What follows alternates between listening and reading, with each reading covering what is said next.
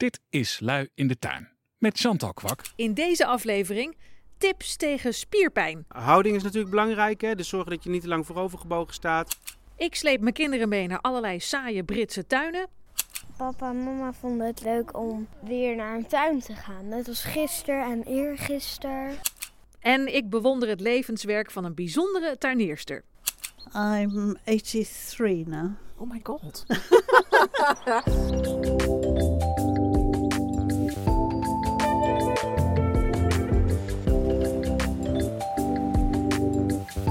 Hallo luidjes, fijn dat je er weer bij bent. Dit is Lui in de Tuin dus, de podcast voor mensen die wel van tuinieren houden, maar er niet per se heel veel tijd aan kwijt willen zijn. Ik help je met eh, makkelijke oplossingen.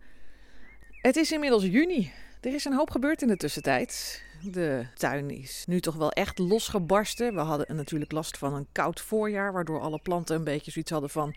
Nou, voor mij hoeft het nog niet echt. En eh, nu zie ik toch wel gelukkig dat eh, dingen beginnen aan te slaan en echt beginnen te groeien.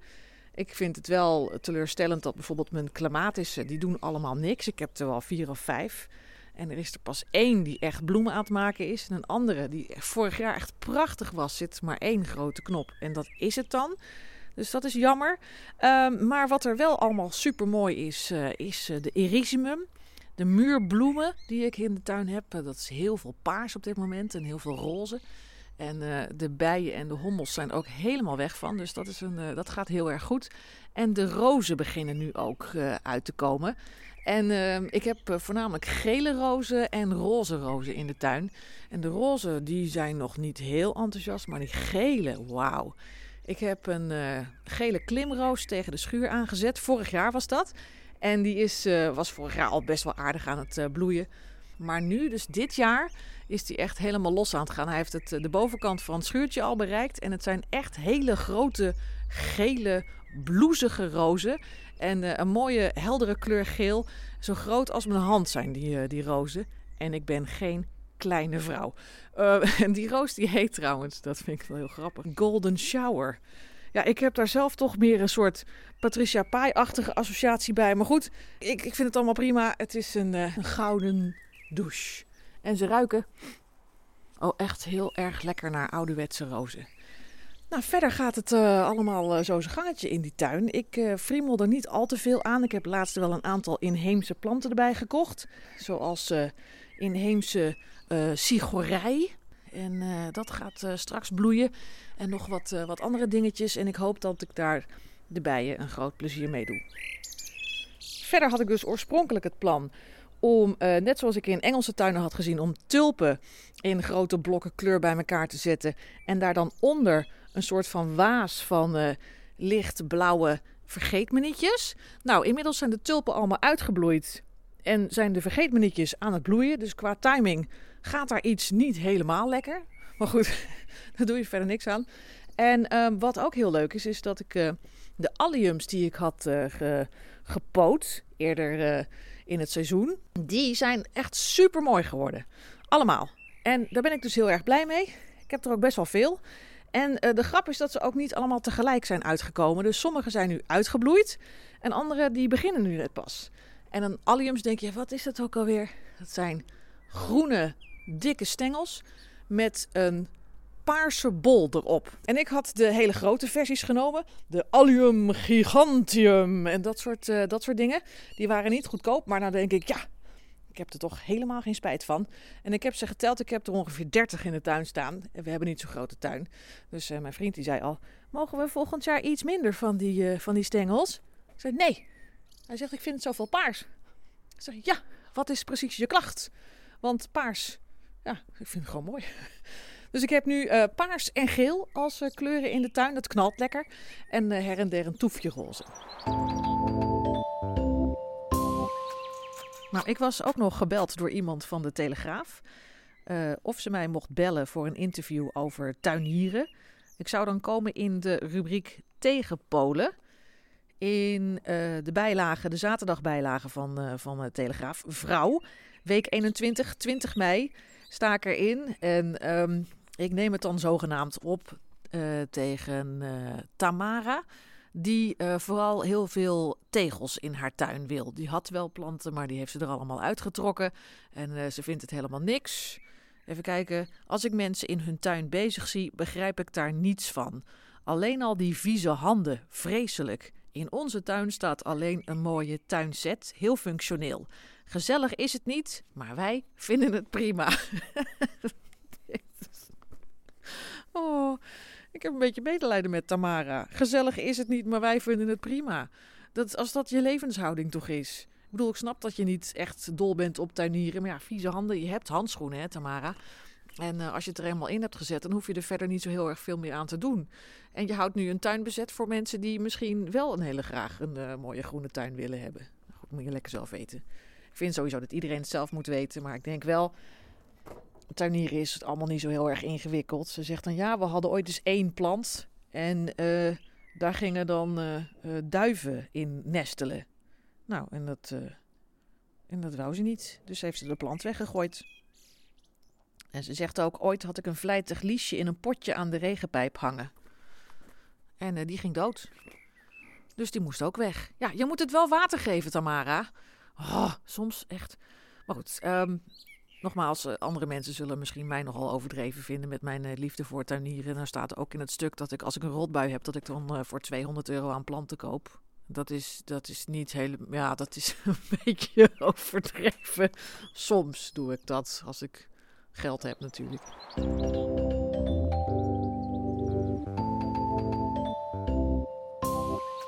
Nou zijn er natuurlijk altijd mensen die enorm aan de slag gaan in hun tuin in de lente. En die doen dan op één dag de hele tuin. En de dag daarna denken ze, goh, wat voel ik me toch uh, oud en krakkemikkig. Ik geloof dat Erika daar ook een beetje last van had. Hallo Chantal, met Erika. Ik heb een vraag. In het voorjaar moet ik altijd een hoop doen in de tuin. Uh, schoffelen en scheppen en snoeien. Er moeten nieuwe plantjes in. Ik moet slepen met zakken tuinaarde. Nou, ik vind dat echt super leuk om te doen. Maar na een paar dagen hard werken heb ik door de regel flinke spierpijn. Of een blaar op mijn duim. Nou, dat voelt natuurlijk niet echt als luid tuinieren. Uh, dus ik vroeg me af, Chantal, heb jij misschien wat tips waarmee we zonder al te veel blessures fijn de tuin voorjaarsklaar kunnen maken? Ik hoor het graag, dankjewel. Nou, Erika, ik dacht, uh, ik snap jouw probleem helemaal. En ik ga het eens even vragen aan een expert. Iemand die als sportfysiotherapeut gewend is om topsporters het beste uit zichzelf te laten halen. En ik kwam uit bij de voetbalclub van Zwolle, PEC Zwolle. En daar werkt Maarten de Waard. Maarten, Jij uh, werkt dagelijks met mensen met, uh, met, met lichamen en die moeten geen spierpijn hebben, anders kunnen ze niet presteren. Klopt. Uh, wat kan jij Erika adviseren? Nou, het probleem van Erika is, hè, dat bedoelt ze zelf al, van ja, ik doe het eigenlijk heel lang niet en dan begin ik weer. En wij hebben sporters die elke dag gaan sporten. Dus die kunnen heel erg wennen aan datgene wat ze doen. Maar ook onze goed getrainde sporters, als die in het voorjaar de tuin in gaan, dan doen ze iets wat ze niet zo vaak doen. En die zullen dan last krijgen van, ja, zelfs van hun spieren. Dus Erika moet eigenlijk even de sportschool in om zich voor te bereiden op het tuinierseizoen? Nou, het is niet, natuurlijk helpt het mee als je in een goede gezondheid bent en, en fit en alles. Maar het is vooral ook dat je niet gewend bent om dit dagelijks of wekelijks uh, te doen. En daardoor krijg je de irritatie. Ja. Is een warming-up nog een idee? warming-up is, is een goed idee. En als fysiotherapeut moet je natuurlijk altijd bewegen promoten. Maar een specifieke warming-up voor het snoeien van planten of bomen, dat, uh, daar heb ik niet echt beelden bij nog. Nee, dus niet uh, tien keer door de knieën en uh, nou ja... Nou, ik denk dat de kunst vooral zit in het, in het veel blijven bewegen. Dus niet te lang in dezelfde houding zitten, veel afwisselen om de, de bloeding een beetje te stimuleren. Niet te lang bovenhands werken, dat soort dingen. Ja, want dat, daar, daar krijg je echt last van je nek en van je armen. Ja, bovenhands werken is altijd een probleem voor de, voor de nek- en schouderregio. Heb je nog tips voor graven? Want zij wil natuurlijk nieuwe plantjes erin zetten en zo. Ik neem aan dat ze dan uh, op haar knieën gaat zitten. Ja, houding is natuurlijk belangrijk. Hè? Dus zorgen dat je niet te lang voorovergebogen staat. Als het even kan, een beetje een holle rug. Uh, maar het allermakkelijkste of het belangrijkste misschien wel is gewoon goed materiaal waarmee je het jezelf makkelijk maakt. Dat het zo min mogelijk kracht kost. Ja. En tegelwippen, dat is natuurlijk wel echt zwaar. Er zijn hele NK's van tegenwoordig. Hè? Ja. Ja, tegenwippen is zwaar. En er zeggen ook weer, let op je houding, maar zorg voor goed materiaal. Eh, denk na voordat je gaat verplaatsen. Du- dus niet eerst wippen en dan wij moeten doorheen. Oh shit, daar staat die eh, kruiwagen, die al op een handige plek neerzetten. Echt eh, ja, voorbereiding en materiaal. Ja. Doe je zelf ook aan tuinieren? Ja, bij mij, ik maak er natuurlijk een sport van. Dus voor mij is de sport om het zo lang mogelijk uit te stellen. Nou ja, ik ben natuurlijk van het lui tuinieren. Dus ik zou Ja. ook zeggen van ga niet elk jaar opnieuw beginnen in die tuin. Hè. Koop gewoon mooie spullen waar je jarenlang plezier van hebt. Dingen die de winter overleven, planten. En eh, nou, ik zie hier eh, in de voortuin wat, wat mooie grassen. Heb jij hier? Ja, ik heb, eh, ik heb hele mooie gras. En ik moet zeggen, de, de voortuin is ook de plek waar ik het, het minste kom. Dus ook het minste aan besteed. Dus daar hebben we ook een hele luie oplossing, een gedeelte teruggegeven aan de natuur. Ja, ja. ik zie hier eh, de nodige paardenbloemen. De meeste mensen krijgen dan vlekken in hun nek. Maar voor de bijen zijn ze supergoed. Ik heb er niet bewust over nagedacht, maar ik ben het heel erg met je eens. Dit is Lui in de Tuin met Chantal Kwak. Iemand die net verhuisd is en die graag eh, wat advies wil voor haar balkon, dat is Christy. Hi Chantal, Christy hier uit de mooie stad Groningen. Ik heb een lui in de tuin vraag. Of nou ja, lui op het balkon. Wij zijn net verhuisd naar een leuk appartement en het balkon is alleen nog wat leeg. Dus wat is een goede klimmer met bloemen voor op het balkon die blij wordt van de volle middag slash avondzon en graag in een pot wil leven, maar geen hedra is? Alvast bedankt! Nou, Christy, eh, allereerst gefeliciteerd met je mooie nieuwe huis. En wat je op je balkon zou kunnen laten groeien, en je wil geen hedera, dat is klimop, dat snap ik, dat kan wat heftig zijn. Ehm, als je nu kiest voor bijvoorbeeld een mooie klimroos. Ik heb hier zelf een hele grote gele klimroos en dat is wel een eh, spectaculair ding. En over het algemeen houden ze best wel van zonnige omstandigheden. Dus eh, kijk dan even wat voor soort klimroos je leuk vindt. Of, eh, of een andere roos als die wat, wat hoger kan worden. Dan moet je maar even op het labeltje kijken. Dat is sowieso altijd een goed idee. Kijk op het label. Houdt die van zon? En eh, hoe hoog worden ze en wanneer bloeien ze? Dat staat er allemaal op. En als je het dan leuk vindt, dan kun je ook nog misschien twee soorten nemen. Kies wel voor een grote pot, want ze willen natuurlijk lekker wortelen. En het scheelt met water geven, want een eh, kleine pot dat eh, droogt zeker op een balkon super snel uit. En eh, ja, dat wil je eigenlijk niet. Niet twee keer op een dag naar buiten hollen in paniek. Oh jeetje, mijn rozen moeten nog water. Een roos heeft natuurlijk wel stekels, dat is, dat is onhandig. maar het is wel een sterke plant. Als je nou denkt van, ja, een roos vind ik wel truttig... dan kun je bijvoorbeeld ook kiezen voor clematis. Ehm, sowieso moet je alle klimplanten op een balkon een beetje helpen met een rekje... of met, eh, met, met, met touwtjes of eh, ijzerdraad of wat dan ook. Dan moet je een beetje gaan knutselen ermee. Clematis kan ook echt prachtig zijn. Daar heb je allerlei soorten van. Ook daar weer het devies. Kijk op de labeltjes. Die zijn bijvoorbeeld clematissen die heel erg lang bloeien. Maar er zijn ook clematissen die zo klaar zijn. En dat wil je dan eigenlijk niet. Want ik neem toch aan dat je graag lang wil genieten van je bloempjes. Clematissen zijn wel iets gevoeliger. Ze zijn wat dunner. Ze hebben wat zachter blad. En over het algemeen blijven ze in de winter ook niet groen. Rozen trouwens ook niet hoor. Als je wel iets wil dat ook in de winter nog wat groenig is, dan eh, kun je bijvoorbeeld kiezen voor een Toscaanse jasmijn. Dat is ook een leuke plant en dat is een beetje dik, dikke groen blad. Dus hoe dikker het, eh, het blad, hoe beter bestand het is vaak tegen wind en zon. En hij maakt witte bloemetjes die super lekker ruiken. En dat ook echt maandenlang volgens mij. En het houdt van zon. Want het komt uit Toscane. Dus je kunt ook in Groningen een heel klein beetje Toscane creëren. Nou, ik denk dat je hiermee wel iets kunt. Laat mij vooral weten hoe het is geworden. Ik wil foto's. Groetjes! Dan over de afgelopen meivakantie. Wij waren naar uh, Zuidwest-Engeland, naar Dorset om precies te zijn. En het plan was daar om uh, heerlijk in de pub te hangen en uh, naar het strand te gaan, wat fossielen te zoeken. En ook om tuinen te bezoeken. En in een week tijd mocht ik maar liefst drie tuinen bezoeken met mijn gezin. En de kinderen die gingen dan onder luid protest mee. Maar omdat ik een podcast ging maken, dachten ze, nou dan mogen we wel meedoen met de podcast. Dan vonden ze toch wel leuk. Vijvertje Dit duurt ongeveer uh, drie kwartier. We zijn in Stourhead, een van de mooiste landschapstuinen van, uh, van Engeland. En eh, we gaan beginnen met een bezoek aan de tuinen zelf. Het is wat eh, bewolkt en het is eh, niet super warm. We zijn misschien iets te, te luchtig gekleed. Maar ja, heb je het te koud of niet? Ik heb het eigenlijk best goed, vind ik. Oké, nou we gaan gewoon lekker. eh, De garden is hier naar links. Ja, we lopen natuurlijk eigenlijk al door een soort bos. Het gaat een soort zigzag naar beneden hier. Nou, het kostte 47 pond voor vier personen om binnen te komen. Twee volwassenen, twee kinderen. En het is eh, op het eh, terrein gelegen van een adellijke familie. Die er een, eh, een prachtig park van hebben gemaakt. En we lopen net langs de kerk.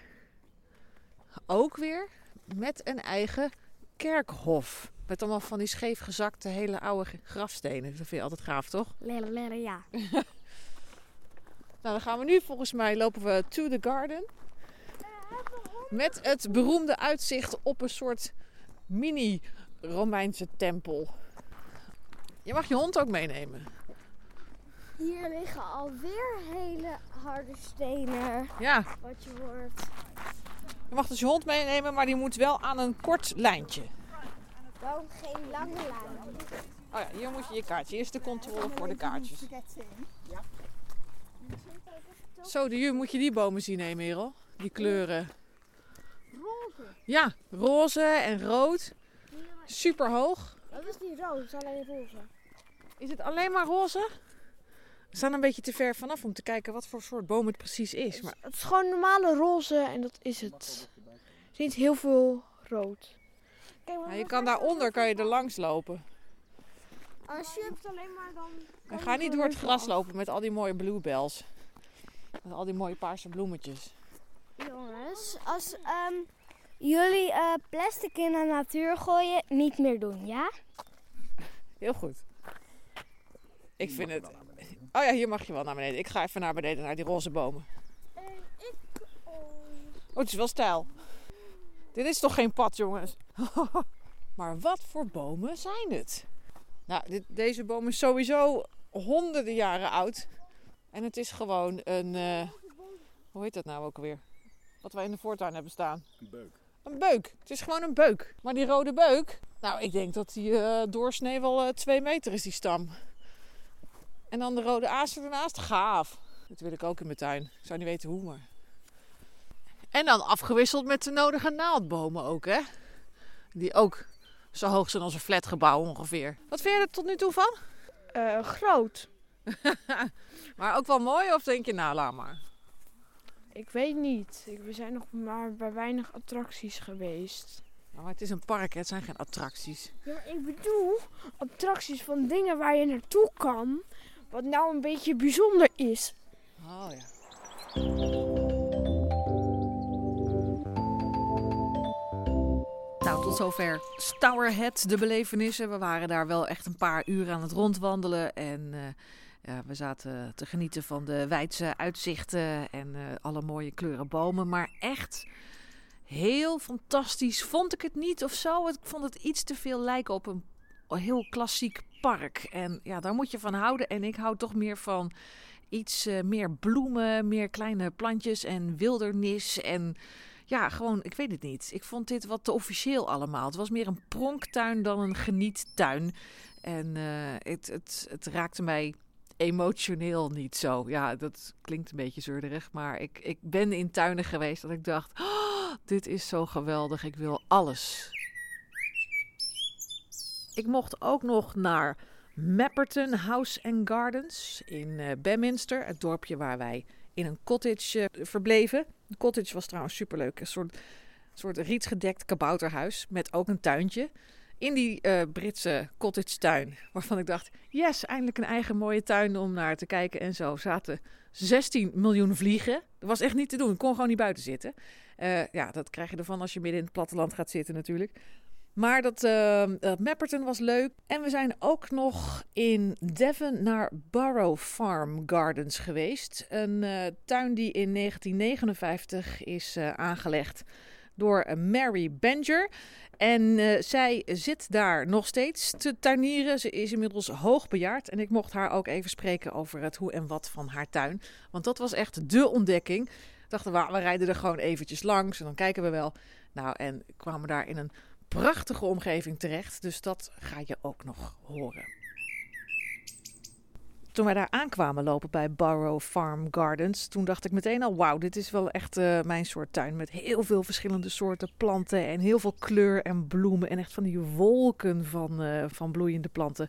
En ik dacht, nou, ik wil graag ook even iemand spreken erover. Toen dacht ik de eigenaresse al te spotten in een golfkarretje. Dus eigenlijk voordat we de tuin in zijn gegaan, heb ik die mevrouw al gesproken. En dat gesprek is in het Engels, een beetje mijn steenkolen Engels. Maar het is negen minuten lang ongeveer. Dus als je dat uh, niet trekt, dan moet je even doorspoelen. Dan krijg je mijn losse vertaling aan het einde. Hello. Um, I had a question. Um, um, I'm from Holland and I do a podcast about gardening. Is there anybody I could ask a few questions uh, about the garden? Yeah, Mary is around. I'll just pop down to the house and Okay. see if she's around. Mary is own the She's owner. the I read the, garden. ba- the back of the. Yes, Yes. My name is Chantal, by the way. and I do a podcast. It's called Lazy in the Garden Yeah. because I believe in a garden that shouldn't require an awful lot of work and still be enjoyable for Yes. both animals and the people who own the garden. But Yeah. um, your garden, it looks like it involves a lot, Lot of, of work. work, yeah. yes, it certainly does. But what I like it to look like is as if I don't do anything except cut the lawn. But of course, it, it takes a lot of work to make it look as though you're not doing anything. when did you start this garden? Um, we moved here in 1959, so a good long time now. Mm. And all this time you've been developing and planting. Yes, yes. Uh, it started quite a small way around the house when the children were small, and then I sort of moved the fences out f- further into the fields, and uh, my husband got a bit fed up with it because the cows were getting short of uh, fields. Mm. Um, so, but we had an old Roman clay pit further down in the uh, garden, uh, which was obviously useless for cows. So he said, "Well, you can do what you like down there." Okay, so, So there was a bit of the farm he didn't use. Yes. So Okay. I made use of that, and um, that's really where the garden on a bigger scale started. Did you have a vision when before you started, or did you just make it up as you went along? Well, each area I have a, a vision for, but I must admit it's got a lot, a lot bigger than I expected. But um, I always intended it, it always had to be a commercial garden, in inverted commas, um, because it has to pay its way. Right. So, uh, from early on, there were visitors here. Uh, well, not probably for the first 10, 10 years, 8 years, something like that. Um, but then we opened just for May, Mm. uh, and then gradually we've extended it to uh, seven months of the year. So, and the rest of the time, there's nobody here. It's just you and your family. The other days, yes, Mm. But it is quite a large family, so uh, there's, uh, and of course, um, people who work in the garden still come through that time because that's the time that we um, do any major things that needed doing. How many people do you employ? Now that's always a difficult question. I, I don't sort of count count it up. I suppose um, since the pandemic, we've had quite a few volunteers, Mm. which has been really um, very valuable. There's about eight volunteers that Okay. usually come and do um, half a day or a whole day. Uh, And then they just go around pruning and weeding, or Well, it's mainly weeding and planting, but um, either myself or one of the um, sort of regular ladies that have been coming for years go to supervise it. okay. Because actually, the, the weeding isn't as easy as all that, because uh, in some places I like something to continue, Mm. even though you might call it a weed, a campion or um, celandines, and some places I just want them left. And so uh, it is, you know, quite skillful weeding that needs doing. And do you supervise everything yourself? Yes, yes. All, So the, it's- all the planting. So it's still your garden. Oh, absolutely. The other people are allowed to touch it, but not too much. and they really seem to enjoy it. And uh, somebody said it's so nice to just hear ladies chatting away when they're weeding rather than uh, continual um, machinery or something like that. And so, so how big is this garden? It, I read somewhere 13, a- 13 acres now. Okay, 13 hectare is dat ongeveer. And um, is it is it um, are you finished with it? Is it done? Gardening, you're never finished, are you? but expanding wise? well, I don't know. We do own 35 acres, Okay. so um, you can't say definitely not. But uh, my husband has always been a bit against me expanding. But last night he actually said, Do you think you'll be doing a coronation garden? Aha. well, not before this weekend, I think. no, no. I did say, um, Well, I'll have to think about it. what would a coronation garden look like? Well, I don't know. That's the trouble. Of course, Prince Charles is very keen on wild meadows and that sort of thing, but we've already got a nice wild bit. But uh, so I'd have to think about it, and a really formal area like a parterre or anything just doesn't fit in with this uh, the sort of situation of this garden. Um, so I'd have to think very hard. And do you have a favorite plant? Um, I'm very fickle about this, and it depends on the time of year, which is my favourite plants. I mean, it's nothing like snowdrops early in the year, and uh, I love bluebells at this time of the year, and uh, rhododendrons and azaleas. We've got quite a few of those, and uh, that must be one of my favourites. And are there plants that you really don't like? Um, Stuff that will never make it into your garden no matter what. Well, I feel that because you're looking out onto the countryside so much, that uh, sort of tropical plants don't fit in all that well.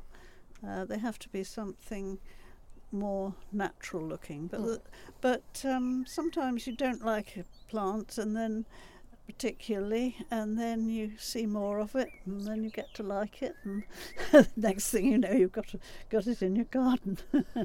And um, I uh, noticed you also have a nursery. Do you uh, do you grow your own plants, or do you buy lots of things from other places? Uh, part and part. We and we grow quite a bit from seed, and uh, we take cuttings and we divide things.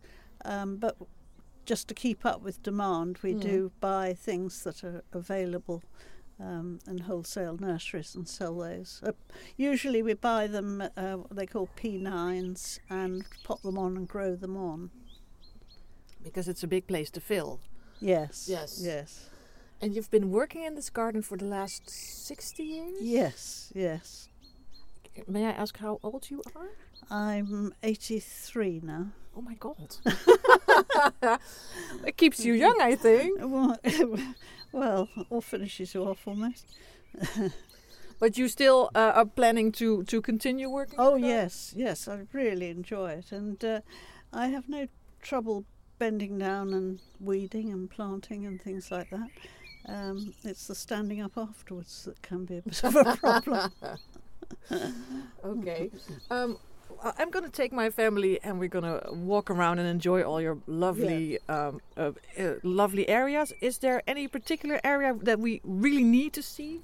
Um, well, I think, uh, well, they're rather spread out really, but um, sort of down towards the the um, old Roman clay pit where I where I started is looking nice, and um, well, I hope everywhere's looking nice. But and then there's some rhododendron beds and a new summer house that we've built uh, right up at the top part of the garden. Okay. So lots of walking then for us. Yes, Yes? yes, I would offer to give you a ride, but I expect your children would like to have a walk. Well, um, yes, we, we we went to the beach earlier, so I think they've got rid of a lot of energy already. but uh, so that's, there's four of us, so we will be fine. Yes, Um, okay. Thank you so much. and we will in, enjoy the garden. Good. Your good. life's work. Yes, yes, absolutely. And please continue with it. Thank you very much. I hope you enjoy it, all of you. I think it is a garden that children do quite like because it's ups and downs and paths and Well, we had this one encounter with a really uh, cocky robin, which Oh, right. flew into the tea house Oh, yes. and, and nicked a part of my daughter's panini. so that was the, the highlight of the day, actually. So, Yeah. thank you so much. Nou, Mary die is dus al in de 80 en eh, zorgt al 60 jaar voor haar tuin. Ze eh, waren daar gaan wonen en toen eh, had ze zoiets van: ik wil wel een tuin. In het begin eerst gewoon om het huis heen. En toen heeft ze gaandeweg steeds meer stukjes van haar man zijn, zijn, zijn koeienland afgepikt, want die hadden koeien. En die man die vond het allemaal prima. Die zei: Ja, ik heb daar beneden eh onderaan de heuvel een heel stuk waar ik toch niks mee kan. Dat is een, eh, een Roman clay pit, zegt zij. Dus ik denk dat eh, de oude Romeinen daar eh, klei vandaan haalden in het een beetje dat modderachtige gedeelte. In de tuin heeft ze daar echt een prachtige moerastuin aangelegd. Heel erg sprookjesachtig met hele grote, grote groene wuivende bladeren die opstijgen uit, eh, uit, uit de, de drap, zeg maar. Dat is echt, eh, echt te gek. Met allemaal loopbruggetjes en ook allemaal gekleurde bloemetjes. En ja, dat was echt heel erg mooi. En eh, Mary die zegt verder dat ze ja, elke dag bezig is in die tuin. En dat ze ook heel veel vrijwilligers heeft die, die helpen. Dat is zo gekomen eigenlijk tijdens de pandemie. Dat mensen toch graag iets wilden doen. En ehm, dat er wel wat planten zijn waar ze bijvoorbeeld een, een, een hekel aan heeft. Of die ze niet zo in haar tuin vindt passen. Omdat het echt zo eh, in het Britse platteland is. Dus van die, van die rollende heuvels en dan van die, ehm, van die heggetjes tussen de diverse soorten weilanden en akkerland. En dan vindt ze bijvoorbeeld hele exotische planten er niet zo tussen passen. Palmbomen, dat soort dingen. Dat, eh, dat snap ik wel inderdaad. Ze bemoeit zich dus overal mee. Het is echt haar tuin. En, eh, en als, zij, eh, als zij het niet meer kan, dan, dan neemt haar kleinzoon het over. Want die is al eh, heel druk bezig in die tuin. Dus dat is, dat is mooi nieuws.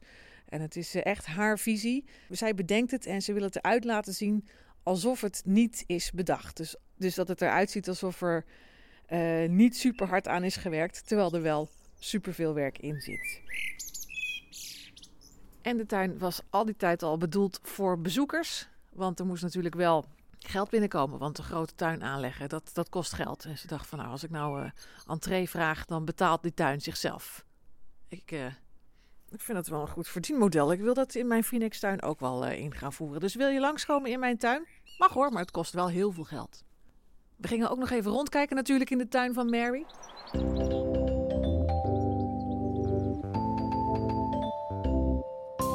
Even kijken waar we nou heen lopen.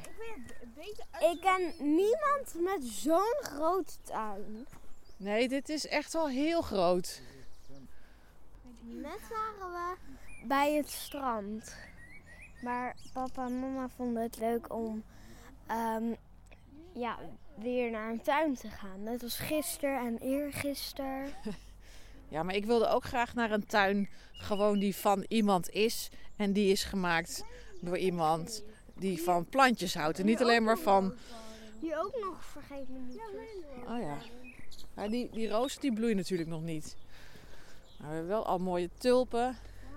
En veel vergeetmenietjes. En ook een mooi standbeeld. Ja. Standbeeldjes, die moeten er ook altijd eigenlijk in, hè? Je tuin is eigenlijk geen Engelse tuin als je er geen eh, halfnaakte mevrouw in hebt staan in een, eh, in een standbeeld. Oh. Maar die wolfsmelk, hè? Hoe groot zijn die dingen? Waarom, waarom lukt dat bij mij in de tuin niet? Ik vind ze zo gaaf. Je moet gewoon nog even twee jaar wachten, dan zijn ze ook zo groot. Ja, dat weet ik niet. Misschien hebben wij gewoon een soort dwergsoort gekocht. Nou, door de poort.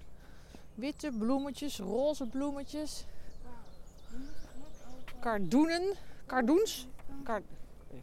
Kijk, deze poort is ook allemaal van rozen. Ik, ik heb vandaag al twee vlinders gezien. Vlinders. Heb je vlinders gezien, ja? Ja? Ook zie je nog wat Maar het narcisjes. is ook lente. En wat fritile, fritillaria. Ik hou ervan. En een heel mooi stenen bruggetje. Maar mama, volgens mij mag je Ja, hier wel op ja, het gras lopen. hier, eh. Maar mama, Ja. ehm, zou jij deze tuin zelf willen hebben? Nou, het lijkt me wel heel veel werk om dit allemaal te onderhouden. Het is wel echt prachtig. Met, dit zijn echt van die, van, het is echt zo'n ouderwetse bordertuin. Hè? Dus heel strak gras. En dan in, langs de randen allemaal hele mooie struiken. In allerlei kleuren. Hier ook weer een roestkleurige Japanse esdoorn. En dat wordt dan weer aan de overkant staat dan weer iets wat ook een Japanse esdoorn is. Maar dat is dan weer zalmkleurig. Ik heb nog nooit zoiets gezien. Geweldig. Oh, het ruikt hier ook heel erg lekker. Oh. Oh, die ruiken echt lekker. Ja, die ruiken lekker. Dat is nou een rhododendron, een witte, hele grote. Het ruikt Wit met wel, roze. Het ruikt wel naar een soort snoep wat ergens naar ruikt. Maar kijk, het zijn hele mooie witte bloemen. Lijken wel lelies met, met, met roze puntjes erin. Nou, zullen we nog maar een stukje doorlopen? Ja, dat zou ik wel doen. Want, ehm, Anders zijn we niet veel buiten geweest, hè? Tot zover de belevenissen in Zuidwest-Engeland. En ook tot zover deze aflevering van Lui in de Tuin. Super bedankt voor het luisteren. Geef me nog wat sterren als je wil in eh, Spotify en Apple Podcasts. En als je drukt op volg, dan mis je geen enkele aflevering. En de volgende, die komt er vanzelf aan. Ik weet niet precies wanneer. Als ik zin heb. Heb je vragen, heb je tips? Laat het mij dan weten. Stuur me een berichtje op Instagram, lui in de tuin, daar kun je me vinden. Ik heb ook een mailadres, luiindetuin.gmail.com. Super bedankt, doeg!